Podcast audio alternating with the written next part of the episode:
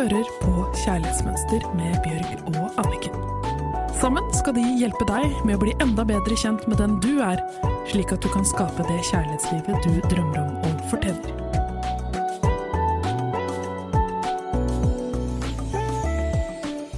Mm, Før vi begynner, så har jeg bare lyst til å si tusen, tusen hjertelig takk til alle som sender inn hyggelige meldinger til meg, som bruker eh, bildene mine og bøkene mine som inspirasjon.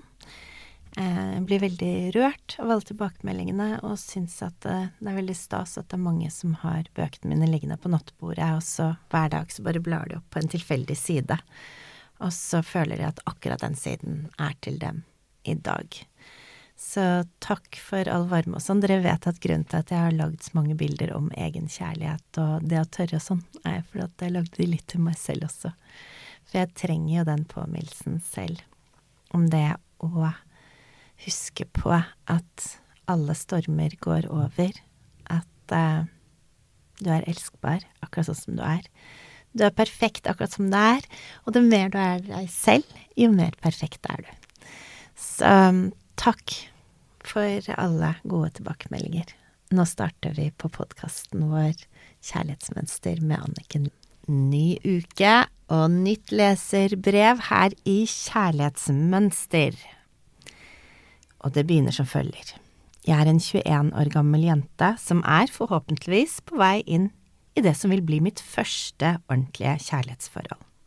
Tidligere har jeg alltid tenkt at kjærligheten ikke interesserer meg noe særlig, og jeg har heller pleiet de gode vennskapsrelasjonene jeg har hatt rundt meg, noe jeg nå tror har vært mer av redsel. I og med at kjærligheten har vært ganske nedprioritert, har jeg heller ikke fått noe særlig erfaring jeg kan bruke av. Og jeg har heller ikke et veldig tydelig kjærlighetsmønster. På grunn av koronasituasjonen har alt blitt veldig forsterket og intenst. Jeg fant tonen ekstra godt med en kompis, vi begynte å date, og på grunn av fritiden vi nå har hatt, har vi nesten blitt samboere. Ikke på papiret, men i virkeligheten. Samtidig som vi er sammen hele tiden, trenger begge at det går litt rolig, og vi er ikke klare for å kalle oss kjærester helt enda. Han ser meg, vi kommuniserer godt og har god sex, men likevel kommer det stadig tanker inn i hodet mitt som er dette riktig? Er dette alt? og lignende. Selv om jeg egentlig ikke har noe å utsette, så leter jeg på en måte etter feil. Hvordan vet jeg hva som er verdt å investere tiden og kjærligheten min inn i, og hvordan kan jeg forhindre å danne et kjærlighetsmønster fra starten av? Er dette tvilen egentlig bare redsel for å kaste seg ut i kjærligheten? Ok, Anniken. Hva, hva, hva?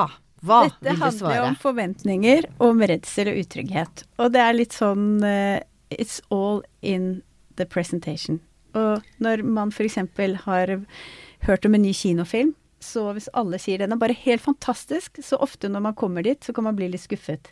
Men hvis man kommer til en helt ny film og ingen har sagt noen ting, så kan man jo plutselig bare tenke herregud, dette er den beste filmen jeg har sett noen gang, og være helt over seg.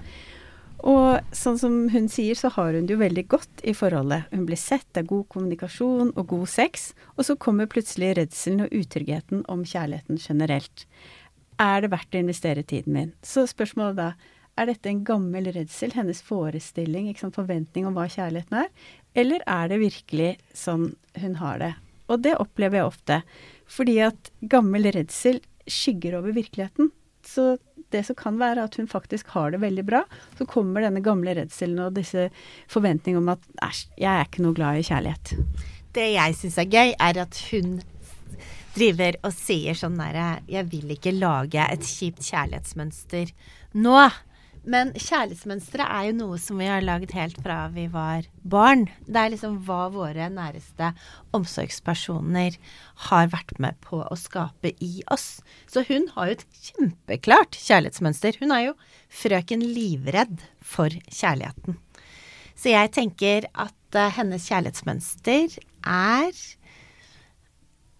veldig satt, og nå har hun muligheten til å endre på det, fordi at hun helt tydelig er i et sunt og godt forhold.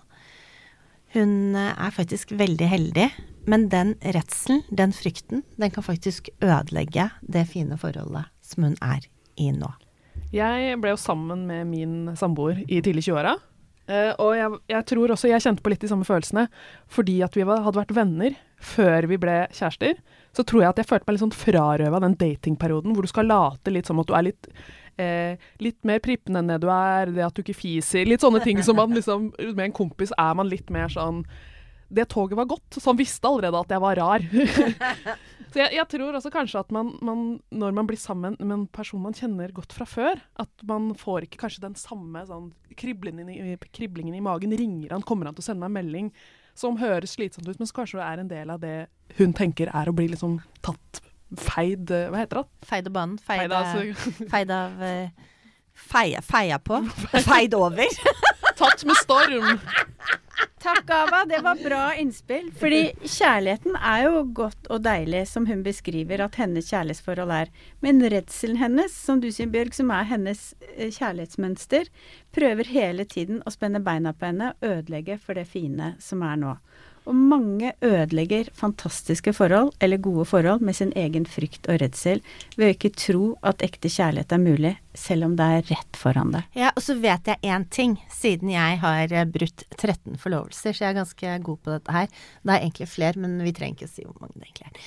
Eh, så jeg er veldig god på å ødelegge forhold. Så jeg vet Nå har jeg endelig lært hva som skal til for å lage gode forhold. Og det er jo å ha datingkvelder, det er jo å dyrke kjærligheten. Det er det å være der for hverandre og være ordentlige kjærester.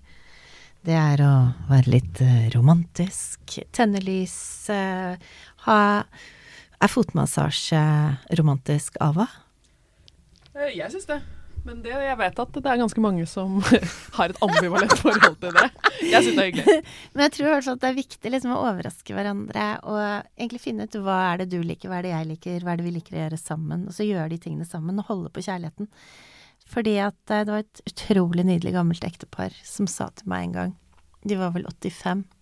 De hadde møttes da de var 20, og de sa du må aldri tane stillaset rundt kjærligheten. Kjærligheten må du jobbe på hver dag. Men det er så sant. Men det er ikke så lett for et menneske som har mye frykt når det kommer til kjærlighet. Men da må man ta ansvar for den frykten selv, og ikke la den begynne å bade inn i det. Ja, men det er noe med å ta ansvar for sitt, og ikke la noe som er veldig fint, bli ødelagt. Og det er så veldig ofte at vi ikke gjør.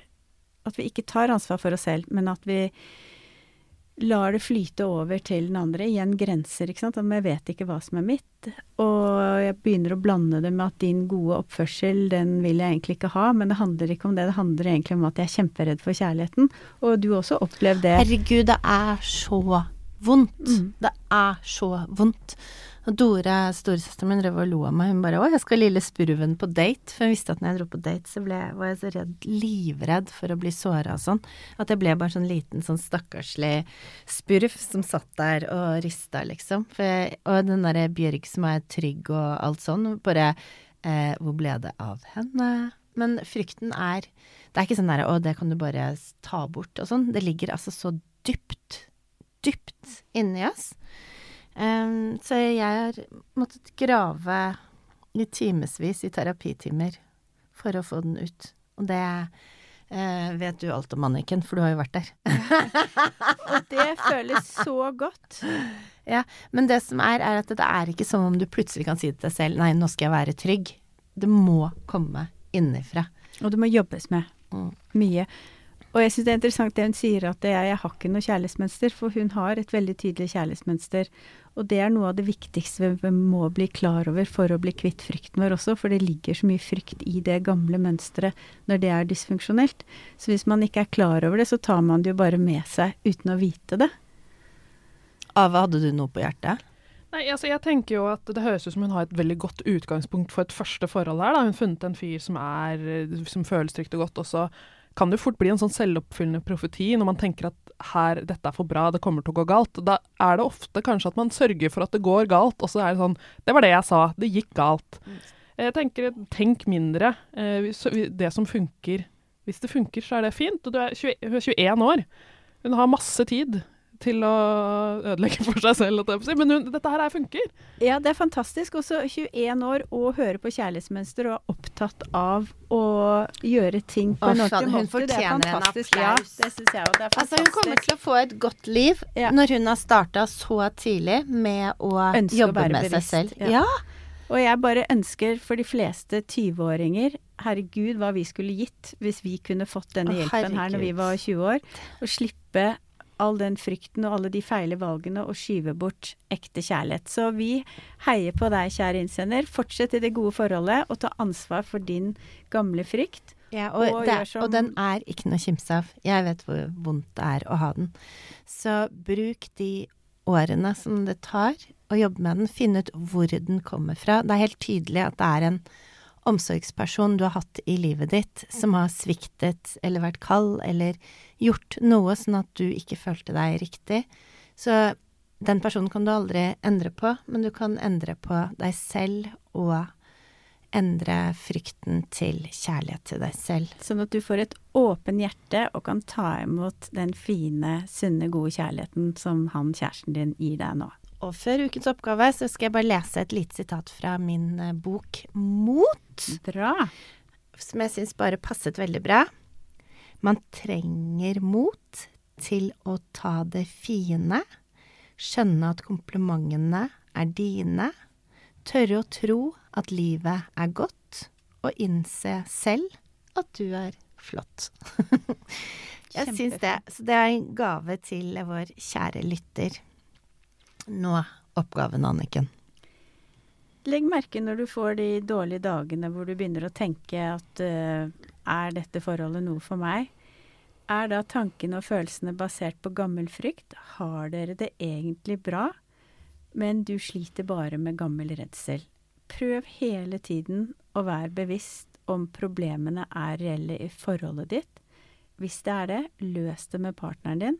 Hvis ikke, hvis frykten og redselen ligger i deg, ta ansvar og jobb med det selv. Var det den oppgaven? Ok, og hvis du ikke fikk med den oppgaven, så får du bare spole litt tilbake og høre på den en gang til. Fordi at det er disse oppgavene som gjør at vi endrer kjærlighetsmønstrene. Det er jobb. Eh, og da vil jeg avslutte denne ukens sending med et sitat til fra min bok Mot. Og det handler om det å slippe ang gammel angst, eh, gammel frykt, gamle dårlige mønstre. Pakke lettere, droppe lasten. Heise seilet høyt i masten. Kutte tauet, slippe bøyen. Styre skuta vekk fra støyen. Tusen hjertelig takk for oss i Kjærlighetsmønster. Gleder oss til neste uke.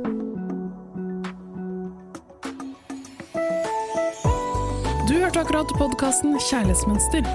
Denne podkasten er produsert av Livslyst og Motivasjon, og produsenten har vært Ava Serr. Hvis du vil lese mer om kjærlighetsmønster, gå inn på kjærlighetsmønster.no.